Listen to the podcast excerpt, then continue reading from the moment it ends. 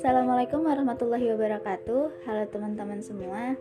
Di sini saya akan sedikit menjelaskan tentang arisan daring atau arisan online.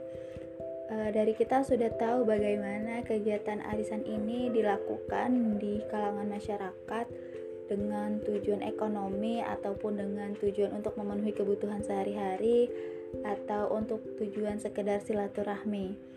Nah, teknis dari arisan ini adalah dengan cara mengumpulkan uang melalui peserta atau anggota yang didasarkan kesepakatan bersama sambil menunggu giliran siapa yang kebagian rezeki selanjutnya.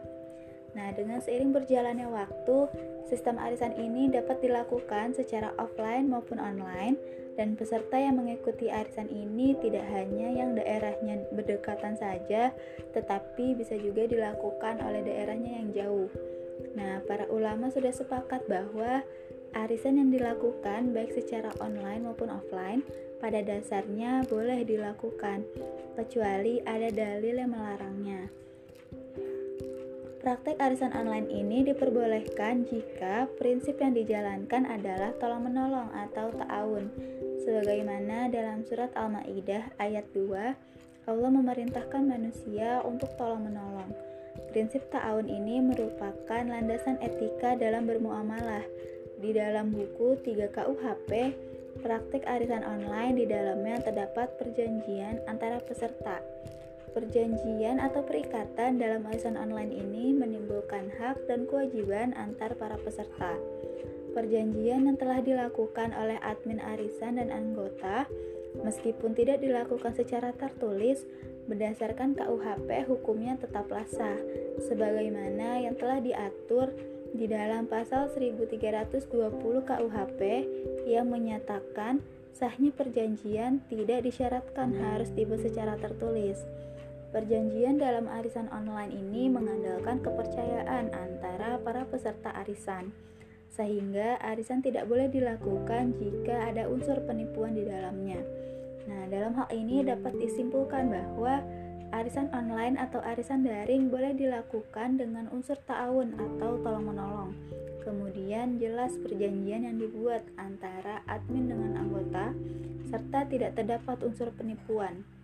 Namun, lain halnya ketika arisan online ini menggunakan sistem turunan atau menurun, hal yang membedakan antara arisan online dengan sistem turun-menurun dengan arisan online yang menggunakan pengocokan yaitu berkaitan dengan selisih setoran yang dibayarkan, biaya admin, dan dendanya.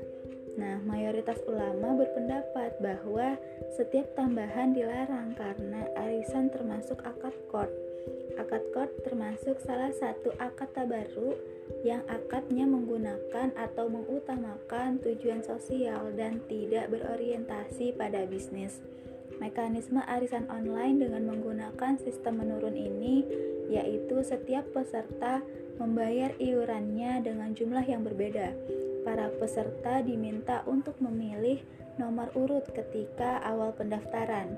Nah, jika mereka ingin menang di awal, maka mereka harus memilih nomor urut yang awal. Namun, jika mereka ingin menang di akhir, maka mereka memilih nomor urut terakhir. Semakin akhir nomor urut, maka semakin sedikit membayarnya. Arisan online yang menggunakan sistem menurun ini sebaiknya dihindarkan. Kenapa? Karena merugikan peserta yang memperoleh urutan di awal. Peserta pada urutan awal harus membayar lebih banyak dari peserta lainnya dan setiap tambahan ini baik berupa selisih setoran, biaya admin maupun denda dilarang karena terdapat unsur riba. Adapun dasar pertimbangan lainnya yaitu setiap transaksi tidak boleh mengandung mudarat di dalamnya sebagaimana kaidah fikih menyatakan bahwa segala sesuatu itu tidak boleh mengandung modorot dan tidak menimbulkan mudorot. Nah, sikap sukarela dari para anggota ini tidak akan merubah ketentuan hukum karena prinsip sukarela mendapat perhatian dalam fikih muamalah. Seseorang tidak boleh melakukan transaksi dengan terpaksa, sebagaimana firman Allah dalam surat An-Nisa ayat 29 Kemudian, jika seorang telah rela atau ridho terhadap sebuah transaksi yang jelas-jelas di dalamnya mengandung keharaman, maka dia telah rela melakukan keharaman itu. Nah, sebagaimana kaidah fikihnya yaitu rela terhadap sesuatu itu, maka dia rela terhadap apa yang ditimbulkan dari sesuatu itu.